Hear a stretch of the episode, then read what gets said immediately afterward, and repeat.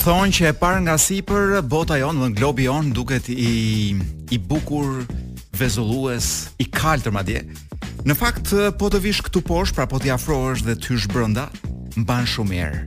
Është më shumë si kaf me një ngjyrë si të verdhë, po ato ngjyrat e smundjeve, sepse Jemi kthyer në një planet që mban shumë erë. Dhe kam një frikë shumë të madhe në fakt, kam një frikë shumë të madhe që ka të bëjë me me fatet e botës, sepse ky është një emision ku merremi me fatet e fatet e kësaj bote. Dhe frika ime është që po hym në një zonë të errët. Ë disa prej jush që kanë qejf historinë mund të kujtojnë që ka një periudhë të kohës, të epokës të të historisë së botës, një periudhë e cila quhet mesjeta e errët, për të cilën pak dihet. Pra bota ka pasur periudha të ndriçimit të dijes. Pastaj menjëherë mbas tyre e ndiqte një periudhë e zezë e errët ku ku digjeshin biblioteka, ku vinin barbarët, pushtonin botën, mbretëronin në botë etj etj. Un kam një frikë shumë të madhe që edhe kjo koha ku po hym, drejt së cilës jemi drejtuar, është një epokë si puna e mesjetës së errët. Çfarë mund të bëjmë ne në në këtë rast, pra nëse ne gjithë bota bashkë me ne brenda jemi drejtuar drejt humnerës, un them që të mbyllim sytë dhe të dëgjojmë pak muzikë të mirë. Pra pavarësisht se bota është kështu si është, ë ne për të gjet diçka të bukur. Në gjithë verën e Tiranës muzika ishte tmerrësisht e shëmtuar nëpër lokale, nëpër sheshe etj etj. Po tek-tuk kishte ndonjë ishull muzike meqenëse ra fjala. Këtë sezon jemi me DJ Kloin, Edhe ndjetë edhe ndryshimin e bazës muzikore. DJ Wizi ka shkuar në ka hyrë tashmë në në universitet edhe na bën me dorë që andej. Pra, në këtë në këtë muzikë që mban erë, në këtë ë uh, errësirën muzikore të Tiranës së verës, kishte siç po thoja ishuj të muzikës së mirë. Dhe një nga këto ishuj ishte një koncert pothuajse i papritur nga Apokaliptikat. Pavarësisht se kulmin e kanë pasur gati 15 apo 20 vjet më parë, vazhdon të ngelë një grup uh, shumë interesant me katër çuna me flokë të lëshuara uh, nordikë, shumë viking fare, të cilët u bien violonçelave dhe bëjnë një muzikë kështu që të rrënqeth mishrat.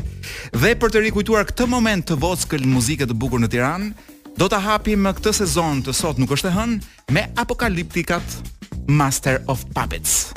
Sot nuk është e hënë dhe këtë javë kemi një tufë me lajme, po lajmi kryesor i javës është që e, fillon emisioni sot nuk është e hënë me DJ-anen Kloen. Emrin e vërtetë e ka Kloe, por e, ka dëshirë që të njihet botërisht si Kloi. Ë Kloi është emri. Ankloe është është Ankloe është o bo bo do më lodhë. Ankloe është llagapi artistik. Ë Chloe ose DJ Ankloe është nga të paktit njerëz në Tiranë, po themi Një përqindsh i njerëzve në Tiranë që unë njoh dhe që e duan punën që bëjnë. Dhe kjo më habit, pra është një rast për të studiuar. Dikush që do punën e vet.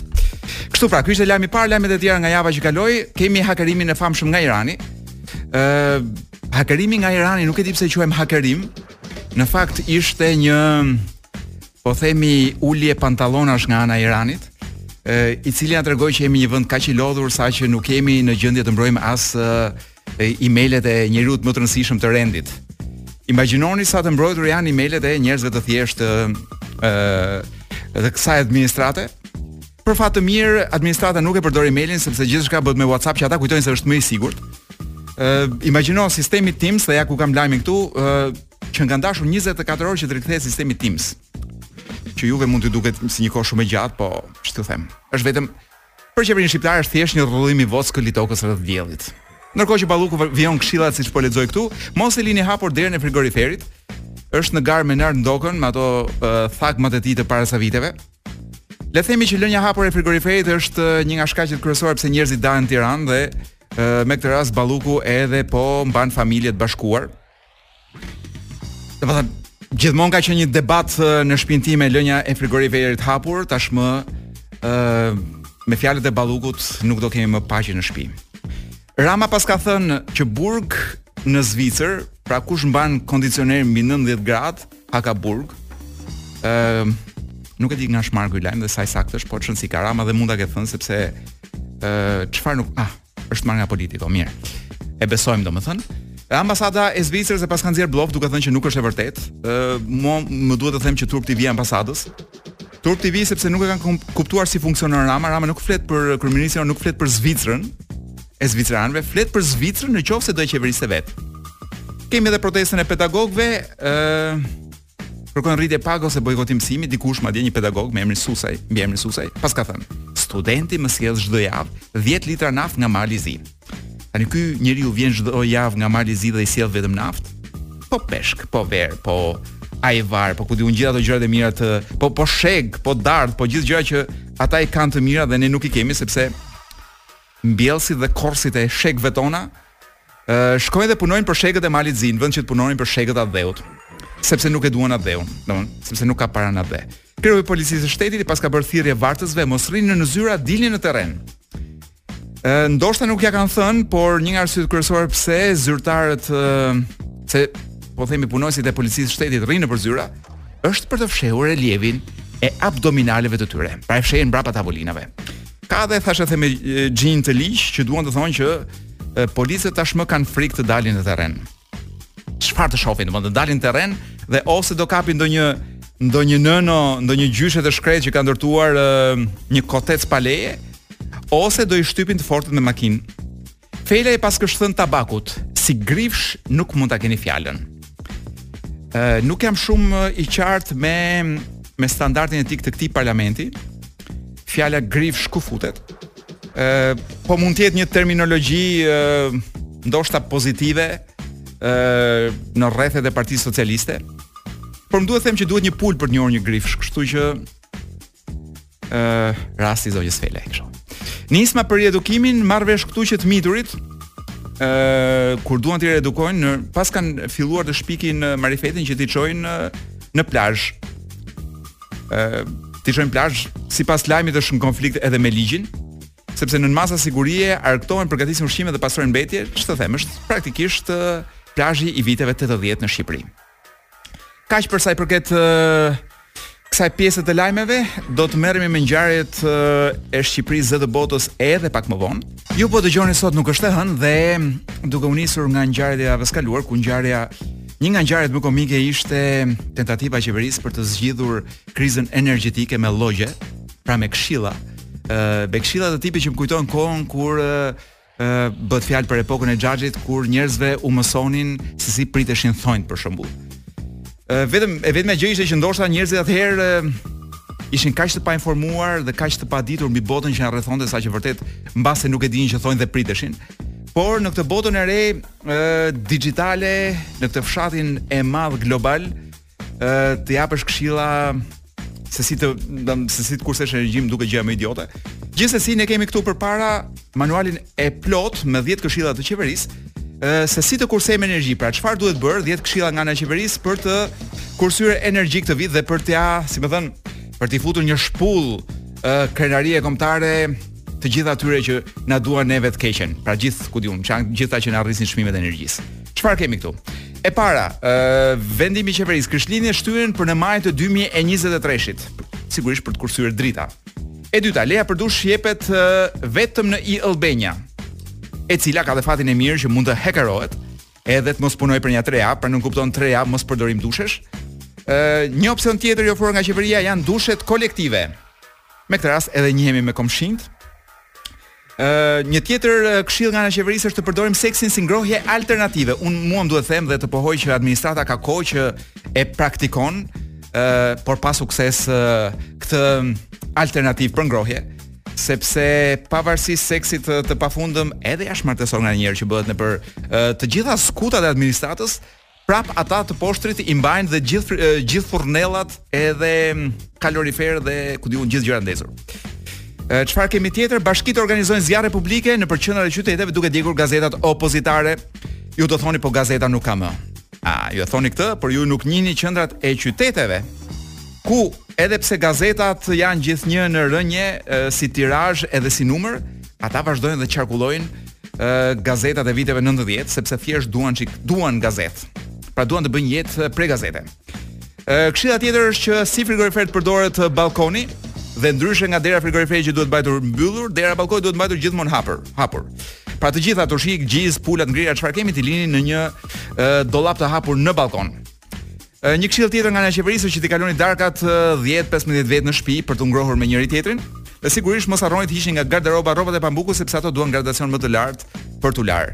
Dhe këshilla e fundit dhe më kryesore, më saktë vendimi i qeverisë është që të fiken të gjithë televizorët, edhe të fiken dritat në gjithë Shqipërinë sa herë që del në TV, ë doktori.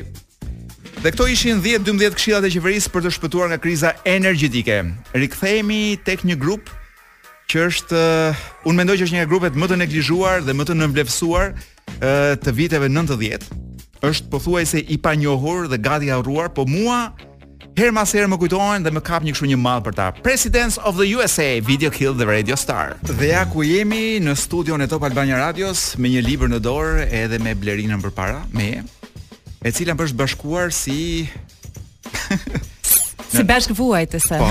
në këto ditë Po, ku është më mirë të rrish brenda se sa të rrish po, jashtë, se nuk i dihet ç'të gjen. Mirë se ju gjej.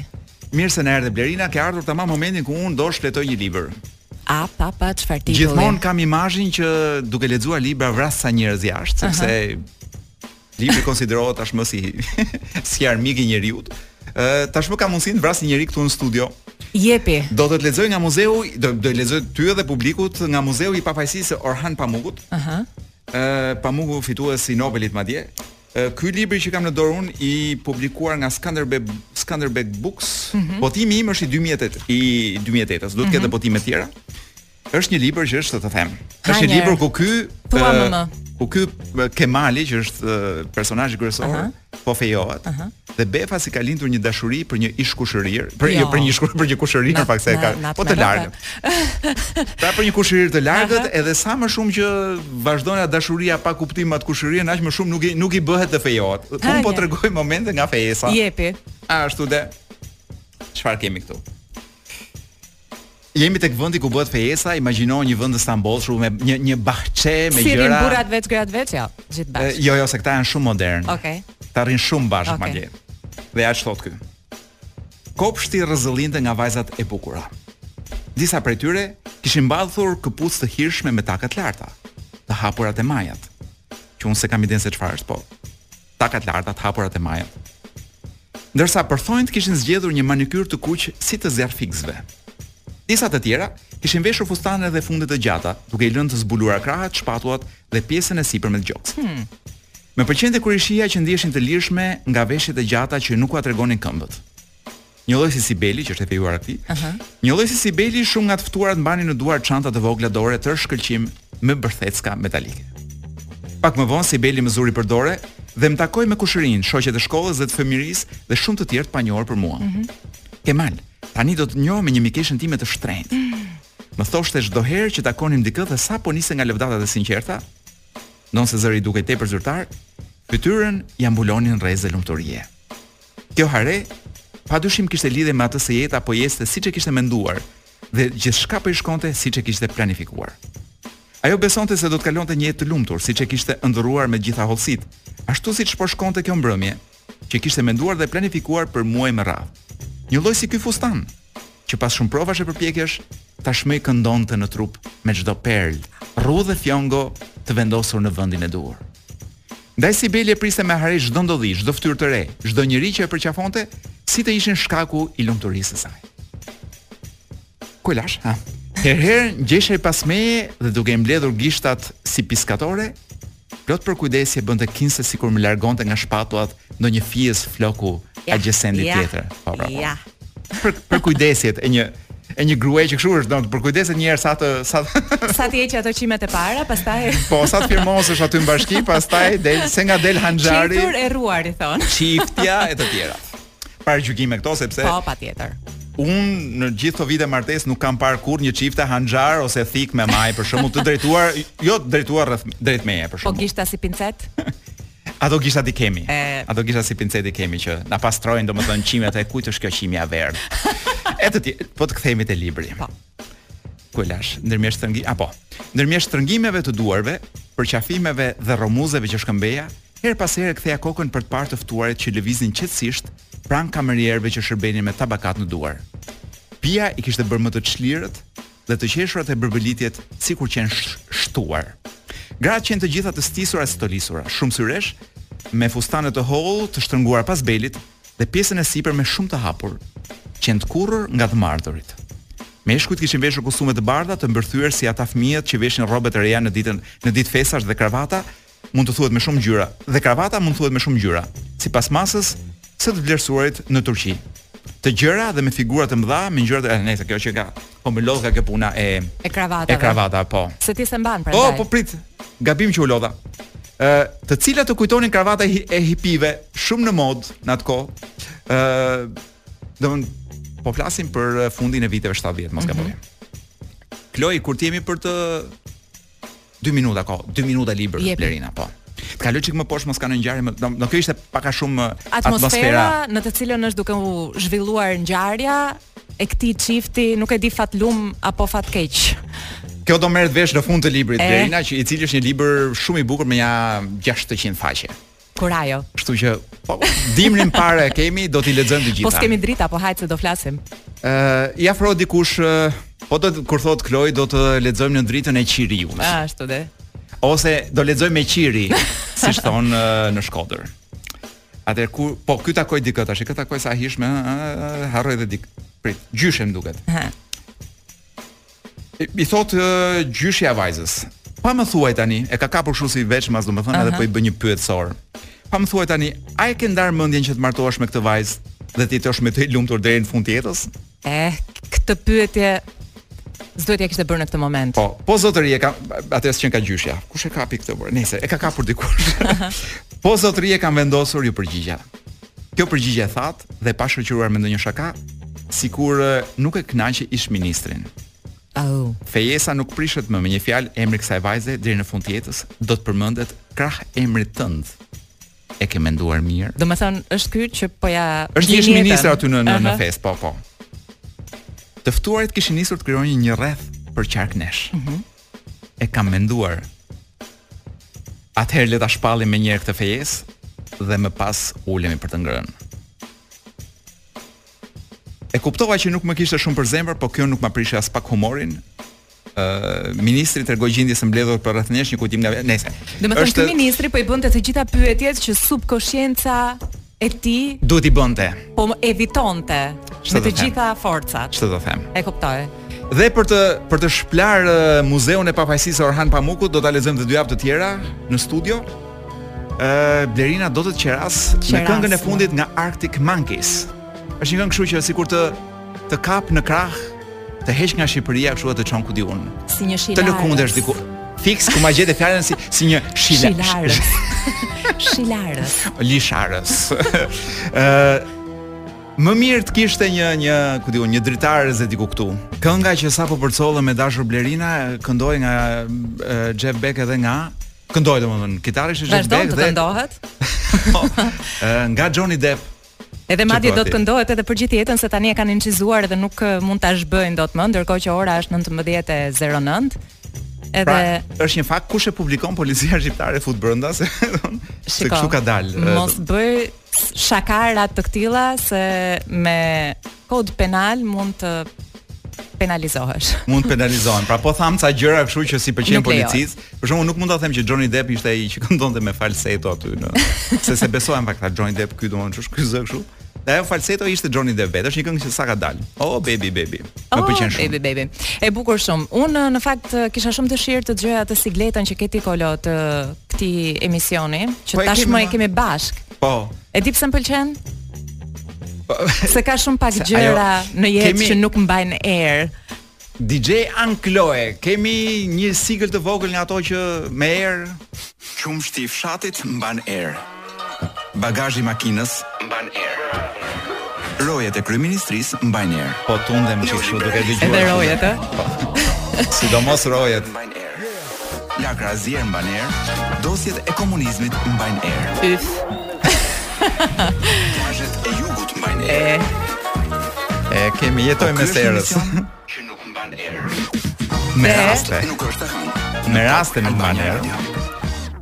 Këtë mund ta themi si në mënyrë metaforike, por edhe në kuptimin më të parë të saj, sepse të paktën për sa më takon, unë kam vendosur që në kuadër të masave që secili prej nesh të mbash herë. do të marrë për të dhënë një ndihmë sa më të vogël, sado të vogël për të kursyer energjinë elektrike dhe më pëlqen shumë që dhe ne vend kaq i vogël jemi duke dhënë kontributin tonë të çmuar në sistemin e madh global si shtete të tjera si Zvicra, Gjermania etj etj, më pëlqen që të vendos që dita ime e dushit të jetë e hëna. Kështu që ky është një javë Po një herë. Një ata të luksit, domethënë, një herë. Ti... Un një herë në 3-4 javë. Ah, po mirë, tani duhet. Po di si ta bëjmë shkurt se shkurti më duket shumë i shkurtër për të pasur një një të larë brenda. Shpresojmë të qellojë me 29 ditë të vit. Un un madje kam filluar që sot që të diskriminoj dhe të të përçmoj të gjithë njerëzit që nuk mbajnë erë, pra gjithë ata që janë si të larë. Po ti sot je larë, se un ose jemi shumë larg në këtë studio. Unë them që neve ky është ky momenti që Shqipëria të bëhet si Franca, pra të të fillojmë të mos lahemi, po të hedhim parfume për të si Franca për të, zhdu, si francezët. po, po sigurisht, ata janë francezët që njohim, ne akoma lexojmë letërsinë franceze të viteve 1800. Po. Kështu që do hedhim erë për, për të mos do hedhim kështu aromë për të mos mbajtur erë. Mirë, e rëndësishme është që secili nga ne të zgjedh një ditë të javës, edhe të shpërndahemi pak, mos mblidhemi të gjithë të hënën sepse pastaj mund të kemi probleme me automatët. Nuk jam dakord me ty. Pse? Unë do doja që të lahemi të gjithë si komb. Aha. Uh -huh. Njëherë, ja po them edhe një herë, ja po uh -huh. do isha për një herë në dy javë, në të njëjtën ditë. Po, që të jemi të gjithë të larë në të njëjtën ditë dhe të palarë në gjithë ditët e tjera. pra mos kemi kështu që a ky mban erë po ky po rrimë se qenka larë pardje. Po dritat o Kolo, si pastaj si do ja bëjmë? Asaj ngarkesës së tepërt. E di ti që duhet të ka një fushatë të posaçme që vetë ministri i energjetikës, energjisë, pra, është duke mbajtur në të gjitha shkollat e vendit, ato nëntëvjeçare, për të mësuar fëmijët se si edhe nëse mami dhe babi harrojnë dritat ndezur në shtëpi, të bëjnë një kontroll. Pra nëse mamin e zë gjumi me televizorin dhe dritën ndezur në 12 të natës, djali ose vajza në klasë të parë apo të dytë, duhet të mos ta zërë gjumi, Kolo. Wow, wow, dhe të shkojë të fikë dritat. Pra ne duam që fëmijët tanë o të bëhen spiunë të prindërve, o të shkojnë dhe të futen në korrent, pra o të, të ngelin në korrent. Dhe kjo është iniciativa më e bukur e ministres Balluku. Pra Por fëmijë në korrent le ta quajmë. Çojeni fëmijët drejt korrentit. quhet heronj të energjisë. Heronj i paska parashikuar dhe që kemi vdekje dhe heronj domethënë mes Kështu fëmijëve. quhet. Ti je heroi i energjisë, ti ore ti, ti mo. Pa, sa bukur. Po, ti po, që po. më sheh kështu, Po, po, ti po, që s'je unë- larë, që u bënë 3 javë që s'je larë. Fëmija, fëmija brenda meje. Blerina do të qeras me një këngë që është eh, i shkon kësaj atmosfere kështu të relaksuar që Bukur. kemi tashmë. Pa drita, pa gjëra. Këta tanët në asnjë mënyrë, domethënë. Po normal se pse pse mund të mbajnë erë kur nuk ekzistojnë, domethënë. A kjo ishte, ky ishte nënteksti, ja. Po sigurisht, pse budallenj ishin ata të bënin diçka që të mbante erë etj etj. Ata e zgjidhën problemin pa bër asgjë. Dhe vazhdon. Domethënë problemi vazhdon ti aty. Po. Po erë s'ka. Jo. Hmm. Me Blerina Shehun sot nuk është e hënë, jemi duke u marr me thashetheme mondane. Po jo, s'kemi arritur tek ai mondani i madh. Jo, jo. Jo se do edhe 21 minuta. Po. Do merremi me mondanet e vogla, Hajde. me me këto ngjarjet e vogla të botës. ë të t'i lëçis pak nga pak o Blerina? Lëçitmi, unë uh, kam dëshirë ta quaj këtë rubrikën e këtij momenti, uh, gjëra të tilla ndodhin në të gjithë botën, madje bëhen edhe lajm. Ma- Madje bëhen dhe filma me këto Madje punë. bëhen dhe filma. Edhe ç'nuk ka aty ti, ti si skenarist, si uh, producent filmash mund të mbash shënim se do dalë një Një produksion i mirë. Është uh, unë gjithsesi produksioneve të Erë TV-s nuk do kaloja dot, domethënë, kështu që jam jam i dështuar në atë fushë. Uh -huh. Po unë do të godas me një lajm që vjen nga Kina. Poshtë brezit.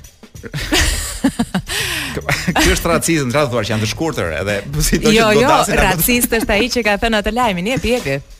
Po, ky zoti kinez ka thënë që është një nga këto zyrtarët, po, i paska thënë kinezëve të tjerë mm -hmm. që kujdes mos prekni asnjë të huaj. Aha. Uh -huh. Me... Në ç'kuptim? E këtë s'e kam kuptuar mirë. Po kur thotë mos prekni, domethënë, mos u thoni gjëra për të qarë, që ata mos A, preken po, po, apo po, tip i ndjeshëm. Apo të mos preken me gisht. Dhe ja ku e ka ka BBC-a këtë lajmin. Aha. Uh -huh. Ndoshta mund të jetë kjo prekje prekja me gishta. Aha. Uh -huh. Unë nuk e di, unë s'kam qenë kurrë në Kinë, fakt. Jo, as unë. Po po ata kanë qenë kudo, edhe ai madje ka thënë edhe që nëse ktheheni nga një udhëtim nga kudo në Kinë, mos prekni njëri-tjetrin. Pra, domethënë, nuk ka prekje në jo. Kinë. Pra një miliard e gjysëm njerëz që nuk preken Me një kinez me një të huaj Ose një kinez me një kinez që ka qënë diku Në një pikë tjetër të globit dhe është kthyer në Kinë Më duket shumë më duket shumë e ndershme, ama për t'u pështyrë me njëri-tjetrin dhe kështu nuk ka nuk ka pasur, domethënë, asnjë lloj rregulloreje. Tani uh, duhet të ketë, duhet të ketë pastaj klauzola të tjera sepse ka një qëllim e gjithë kjo. Po pra, cili është qëllimi i gjithë kësaj Blerina? E po, mos paragrafi 2. pra ta lexoj gjithë këtë. Shkoj deri te dyshi ku është dyshi. A pse pse nuk the? Që gjithë problemi është që këta nuk duan të sëmuren dhe sëmundja atyre, pra... sëmundja atyre u transmetoka me gisht. Do të thënë ata që na sëmurën të tërë, apo jam raciste. E kuptuan që problemi është gishti. Kështu që kujdes ku e fusni dhe ku e vendosni gishtin, çdo gisht i juaj mund të jetë pra çdo gisht i sotëm mund të jetë një i sëmurë nesër. Se kjo lija e majmunit qarkullon gjithandej, kjo është ideja. Sigurisht. Të fola për lajmin tjetër që ka dalë që ka tronditur botën e shahut? Tronditmë dhe mua se jam gati. Është bota e shahut është tronditur, e para u trondit një herë kur pamë atë se ishte një mm -hmm. një serial në në në Netflix, ëh, uh -huh. i cili na Mbretëresha e Shahut. Nuk di ç'të them, Mbretëresha e Shahut, por që ishte një lajm që po themi na ndryshoi jetën. Po. Ëh, ndërkohë që ka dalë diçka tjetër, ëh, mm -hmm. ka dalë një lajm që njëri nga këta mjeshtrat e rinj të Shahut, ëh, mm -hmm prit ta gjej se nga është, se s'po e gjeja mirë se nga është në origjinë. Teknologjia nga sfutet o kolo. Ditët e sotme. Po pra, ky ky ka bërë hile dhe si e ka bërë hilen do thua, si ka mundur atë mjeshtrin më të madh të shahut në botë. Dhe e ka mundur thonë këta duke futur një një lodër. E ka mundur do ta thoja shqiptarçe po s'e them dot. E ka mundur me bythë do thua ti, sepse apo zoe po shkoj. Apo fiks më lexove. Sepse ky paska paska futur një një një mikrochip një një mikrochip pak a shumë, por që e ka futur me anë të një lodre seksuale. Tani unë nuk e kuptoj pse na vjen turp ne t'i themi këto gjëra kur ai Unë kam problem përkthimi, sepse unë e lexoj lajmin anglisht dhe këto ah. anal beads unë nuk di si t'i përkthej. Dhe më ka ikur dhe Wizi, se Wizi ishte mjeshtër i terminologjisë uh -huh. seksuale, pra ça nuk dinte. E Kloe. Kështu që Kloe. ne po presim Dim. Uh, që të vendosim ca intimitet edhe me Kloin dhe të fillojë të na furnizojë me lajme me me me, me terma. Po uh, ky zotëria ka futur një lodër seksuale në uh -huh. në, në pjesën andej ku në përgjithësi nuk hyjnë gjëra, po vetëm dalin gjëra, e cila paska transmetuar informacion. Nuk e kuptoj. si ta them. Domethën, kur luan njeriu kundër njeriut, bëhet çmos që të këta të mos kenë kontakt me po, teknologjinë. Pra mos kopjojnë. Mm -hmm. Pra mos i dërgojë dikush një informacion që e ka mbi lëvizje që e ka nxjerrë me kompjuter e thotë që lëvizja që duhet të bësh është kjo. Kjo më duket shumë e drejtë. Sepse shahu çfarë është llogari që bën njeriu me mendje, që ky do bëjë këtë lëvizje pastaj atë lëvizje. Me mendje. Tani nëse unë kam një shok kopjac, ëh, uh -huh i cili do një bashk bashkë kopjac, i cili unë kam futur këtë veglën që transmeton me dridhje. Aha. Tash ata që kanë prodhuar këtë lodrën seksuale uh -huh. që futet në në anus. O zot e kanë bërë për qejf, nuk e kanë bërë për të kopjuar. Ah, dhe këta ia kanë gjetur anën anusit. Po, e përdorin lodrës. Po pra o, lodra zot, brenda ka dhe çipin dhe Po pra nga lodra transmetonte informacion, por nuk e as, as, as, akoma askush nuk e di se si ky e merrte po, informacionin. Po mund të të fantazojmë, mund të jetë kështu. Po t'u, po dridhet një herë, Këtë dyshoj dhe unë. Lëviz torren. Sepse kjo është një vet lodra, vet lodra në fjalë. është një lodër vibruese. Brr brr. Ashtu de. Jepi. Mbretresha kjo Kolo. Se kujt po i bie lodra. Mbretresha. A kur bie dy herë do të lëvizë mbretresha nuk e lëvizim dot më se iku, eh. por mund të lëvizim Kamilën ka të tjerë në fushën e shahut. Mm -hmm. Pra i i çojnë ca vibrime për të treguar ku duhet të lëvizi. Kjo është ide. Kjo, kjo. No, dhe ai çfarë ka bër? Niman quhet ky, Niman e ka emrin ky, uh -huh. ky që konsiderohet për hile. Ëh, uh -huh. ai është dorëzuar besoj uh, trupës. Hans, Hans Niman është uh -huh. 19 vjeç, amerikan, dhe thon nga ku doli ky piç i vogël të mund këta burra 40 uh -huh. vjeç, 50 vjeç, domethënë që janë mjeshtra të shahut për 30 vjetësh. Dhe ky thot jam gati të luaj lakuriq. prap nuk nuk është se ka hequr çdo dyshim se ajo do të ishte gjithsesi diçka që nuk duket. Po, unë mendoj që edhe një kontroll përpara se të filloj loja do ja bëjnë. Trupor, për të parë ka hile apo s'ka hile kjo loja. Ç'do të them, në qoftë se në qoftë se shahu fillon të luhet lakuriq, unë Lë sportin tim të preferuar, që është soliter dhe filloj shahun që nesër. Po dëgjo, mund të luash soliter lakuriq se nuk të ndalon askush, je në shtëpi ose në zyrën tënde, po edhe këtu në radio se më mund... do të çoj tek e fundit. Do, po nuk do kem mundësinë që të që të jemi kështu në live broadcasting, e pra që të më transmetojnë live se ndeshjet e shahut tashmë transmetohen dhe në streaming. Pse nuk mendojmë për një teknologji? Do ecim bothot ball. Erdhi policia, më duket. E tronditëm, ë? Po ama, telefon, ndërpriteni menjëherë këtë këtë porkeri. Atë kemi një Blerina ta lëm këtu. Po mund të vazhdojmë vetëm pas pak do të ndodhi një ngjarje shumë e rëndësishme, kështu po. që në asnjë mënyrë. Me këtë këngën e fundit më rënqethe kolo. Sepse ishte një këngë e zgjedhur posaçërisht për të hedhur balt mbi monarkinë britanike. Ishin Sex Pistols me një këngë që thoshte God save the Queen. Një frazë që this fascist regime, pra ky regjim fashist e të tjera të tjera. Mhm. Mm sepse ka një ka pasur historikisht edhe ka një do thosha un ka një rebelim ndaj idesë së monarkisë në Britani. Rebelim nga ana e kujt? Rebelim nga ana e njerëzve që Monarkia u duket krejtësisht e huaj, e vjetëruar, mm -hmm. absurde, mhm. idiote etj mm -hmm. etj. Pra një gjë komplet e panevojshme që vetëm ha nga taksat e britanikëve. Mm -hmm. Dhe de facto unë nuk shoh asnjë arsye pse britanikët e mbajnë ose mendoj mm -hmm. që mhm. e mbajnë mbretërinë është se mendojnë që mbretëresha ishte simboli që i bashkonte. Unë Tani... mendoj që është e njëjta gjë si Kali i Skënderbeut tek mm -hmm. neve që është diçka që na bashkon të gjithëve. Ëh. Mm -hmm. Pra po ta heqin kalin e po të vdes kali mhm. Skënderbeu nga sheshi Skënderbej, apo po t'i ndodhë ndonjë gjë. Do mërzitemi shumë të gjithë sigurisht. Por pastaj do kuptojmë që nuk ishte kali që na mbante, uh -huh. ndoshta. Pra nuk është mbretëresha që të bën britanik, uh -huh. them unë. Ëh, por është pak tabu të flasësh kundër ose ka qenë pak tabu të flasësh kundër kundër mbretërisë. Tani unë nuk kuptoj një gjë se e, e gjitha më qëndron, por ndoshta jashtë kontekstit britanik. Pra, të gjithë këta smirëzinj, dashakeqës, cinikë e të tjerë të tjerë, duhet të jenë përtej atij territori se pashë radhë të gjata, vetë futbollisti ylli i futbollit anglez David Beckham kishte qëndruar 12 orë të tëra e sa e sa të tjerë që kaluan. Tani mos na përmend njerëz që kanë frikë të shkojnë te gruaja dhe gjejnë sebepa për të mos shkuar në shtëpi, se i rreh gruaja. Kjo është domethënë, ëh. Jo, rasti i Beckhamit. Radhët e gjata kanë një shpjegim. Rasti i Beckhamit shumë mirë mund të jetë dhe nevojë për të qenë në qendër të vëmendjes. Mm. Edhe 12 orë dikush do të të shohë patjetër, ëh. Ka kohë, po, ka kohë që nuk bëhen lajme për të. Ëh. Kjo e të qëndruarit gjatë në radhë më kujton Lere mos e thuaj. Do ta them. M'u kujtua edhe mua, të them të drejtën. Radhët e kohës e Enverit, kur njerëzit rrinin në gjatësi dhe ecnin avash avash, ka qenë gjithë bulevardi. Pra Shqipëria shumë e vogël se është sa një lagje e Londrës. Ëh. Uh -huh. Ose ka qenë atë kohë, por njerëz që shkulnin rradha, rradha ka qenë me orë të tëra.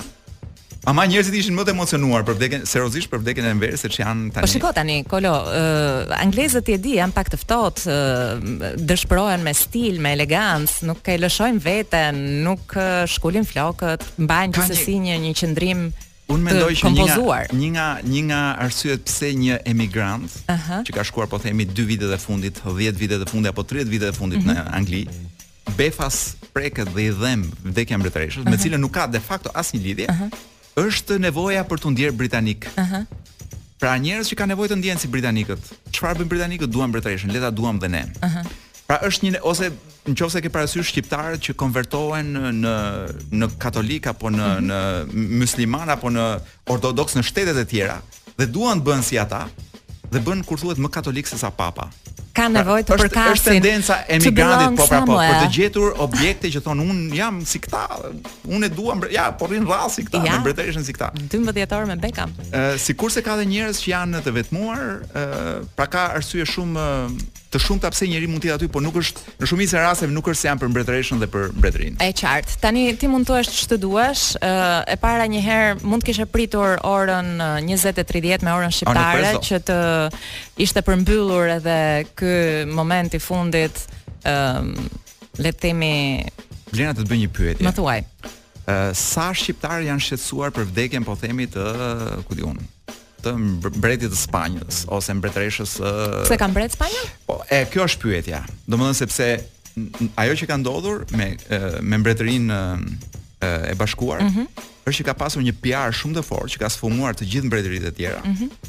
Dhe njerëzit preken për mbretëreshën, por nuk shqetësohen për një monark tjetër që është që është monark i një vendi ndoshta më dinjitoz, edhe më serioz dhe më të mbarë se sa Britania. Më duhet të them që zonja që ka vdekur, mm -hmm. si thoshte një shoku im në një meme, uh -huh. vdiq një plakë në Britani. Lajmi fund e rënd. Shiko po 96 vjeç, nuk është pak. Është përveç përveç rekordeve, uh mhm. -huh. po më duhet të them që mbretëresha Elizabeth ka qenë e para ka trashëguar ë uh, uh, perandorinë britanike, uh mhm. -huh. që ishte një perandori gjakatare. Dhe në mos gabohem gjatë kohës që kjo ka qenë në fron. Ëh. Mm -hmm.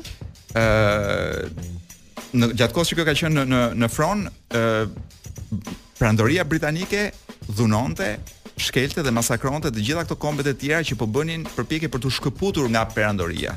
Për shembull po lexoja këtu një lajm që vetëm në në Kenya më duket, nuk e di se ku. Në Kenya po. Ëh. Mm -hmm. Në vitet pesëdhjetë u ngritën kundër mbretërisë, kundër perandorisë britanike, donin pavarësinë dhe thuhet që mund të jenë 100 mijë viktimat. Pra vrasjet nga ana e perandorisë gjatë kohës që kjo ishte mbretëreshë. Po këto nuk i thotë njeri, dhe sigurisht që këto nuk thuhen as në serialet të cilat janë një propagandë e pastër, për shembull The Crown është një propagandë e tmerrshme, e tmerrshme për monarkinë. Mm. E mbylle. Jo nuk e jo nuk e kam mbyllur ah, akoma. Ah, akoma. nuk të nuk të ngacmoj dot më shumë. Është shumë e rëndësishme të dihet që një pjesë e madhe e pasurisë që kjo zonja ka, ëh, mm -hmm. dhe gjithë uh, familja kësaj do të trashëgojë. Ëh. Mm -hmm. Mbreti, djali i tij etj etj. Një pjesë e saj është uh, janë diamante gjaku, është pasuri gjaku, është një pasuri e grabitur nga kolonitë. A ba ba, e bëre më më rrëzove të gjithë Ka edhe më shumë. Të gjithë skenën e jo, rozë jo, jo, po ka më shumë, se shumë njerëz, shumë njerëz e mendojnë, e mendojnë mbretëreshën si një gjyshe. Ka njerëz që janë tek ajo radha e famshme atje sepse nuk kanë pasur mundësi ose kur i ka vdekur gjyshja janë prekur, dhe tani që vdes gjysh, një gjyshe e famshme diku i thonë, preken dhe ata. Uh -huh. Në dijeninë time dhe me ç'kam parë raportime kjo i shikonte kalamajt e vet një herë në javë sepse ishte shumë e zënë. Jo vetëm. Duke mbretëruar. Po. Pra nuk ka qenë as një gjyshe e mirë dhe as një as një nënë e mirë. Ka me siguri as një grua, as një grua e mirë. Ka ca rregulla. Ajo ashtu është rritur vetë edhe Jo, e kisha tek gjyshja. Nuk do ta justifikoj, pra po. Është një gjyshe që ti nuk e një gjyshe që ke parë 20 herë gjithë jetën, kështu që nuk e di se sa ne mund të qajmë hallin këtyre nipërve apo stërnipërve të ngelur befas jetim nga gjyshja. Më preve krahët, kisha përgatitur një sërë lajmesh roz rreth të gjithë ngjarjes sepse janë ato që kanë mbushur më së shumti ë faqet e portaleve online, po më thuaj, më thuaj. Kam diçka edhe kundër rozës. Nuk po, pushon, nuk pushon. Jo, rozës së mbretëreshës, ë? Jo, rozës me kthimin e këtij eventi në një ngjarje roz. E para m'u duk shumë absurde që të ketë ndjeshmëri në Shqipëri për vdekjen e, e një monarku në Britani, sikurse edhe për vdekjen e një Është për klikime. E pra mirë, po. Na duhen ca klikime diku, sepse shiko. Diku dëgjova që kanë fansat e, e mbretëreshës me fansat e Lady Dianës kanë dalur kanë dalë me thika. Po patjetër, madje familjarët e Lady Dianës nuk janë veshur me të zeza. është lajmi. Po çfarë ka thënë nusja? Nusja e shtëpisë ore, nusja e djalit. Cila nga ato nuset? Nusja ah, po nusja, e nusja e mbretit. Po. Nusja e djalit ka thënë ajo ishte një grua në një botë burrash, një grua e vetme në një botë burrash dhe nuk do ta harroj kurrë buzëqeshjen e saj dhe sytë e saj. Nuk e kuptoj nëse ka pasur nga frika e sa e këtij portreti që ka parë nëpër korridoret e Buckingham Palace për ditë e ditë të tëra apo ishte vërtet një mesazh i ndjerë, këtë nuk e kuptoj, nuk arrita të lexoj mes rreshtave. Ka dashur thjesht të thotë që unë ndonjëherë e kam parë dhe në sy. Nga larg, nga 20 metra distancë, po edhe jemi parë sy në sy me vjehrrën. Ndërkohë që më erdhi shumë keq Kolo për djalin e vogël, për nip, për nipin e vogël, meqense përmendë marrëdhënien gjyshe nip. Po, diçka dëgjova, kanë e kanë lënë pa bukë, më duket. Jo, po, përveç asaj, po mbas Këtij momenti solemn që do të ketë pas 45 minutash, do të bëhet një darkë ashtu sikurse kemi edhe ne pas eventit mortor bëhet një pritje sipas protokollit, në të cilin Williami i vogël nuk do të jetë i ftuar. Madje jo, i vogli i cili është Willi. Uilli. Uilli është i vogli. Atij ia po. kishin çuar ftesën dhe pastaj ia kishin tërhequr prapë, sepse kishin parë aty ke lista që ai nuk shkon të punojë tetë orë në ditë për mbretërinë. Po, për kurorën. Dhe, dhe turp t'i vijë sepse është një nga punët më të rënda në botë, që është vetëm të dalësh nëpër foto, të bësh vizita të me kuaj, ku Ai nuk do të ketë një vend. Të bredhësh botën në emër të mbretërisë. E kështu.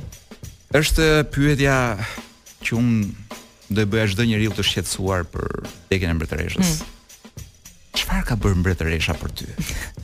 ne nuk pyesim çfarë ka bërë mbretëresha për ne, pyesim çfarë kemi bërë ne për mbretëreshën. Neve kemi bërë shumë në fakt, ne uh -huh. kemi mbushur Britaninë me me spaçatorë, distributorë, ne kemi E kupton që kemi kontributin tonë të çmuar Patjetër, po drogojmë rininë britanike, pra nga njëra anë The Crown, nga ana tjetër çunat e Londrës. Dhe madje të gjithë ata. Një lumë popull që ishin në radh, si janë mbajtur në këmbë kujton ti? Si kanë qëndruar për orë e orë të tëra në këmbë? Janë ato pilula që u japin çunat tanë. Fare, fare, fare, fare. Nuk është e hënë, nuk është ora 19:48, më pëlqen të mohoj gjithçka, kolo, më pëlqen. E, këtë kemi këtë atmosferë të bukur mohuese kemi krijuar këtu në në program. Dhe sot nuk është e hënë. Po po. Tani ne mohojmë çdo gjë.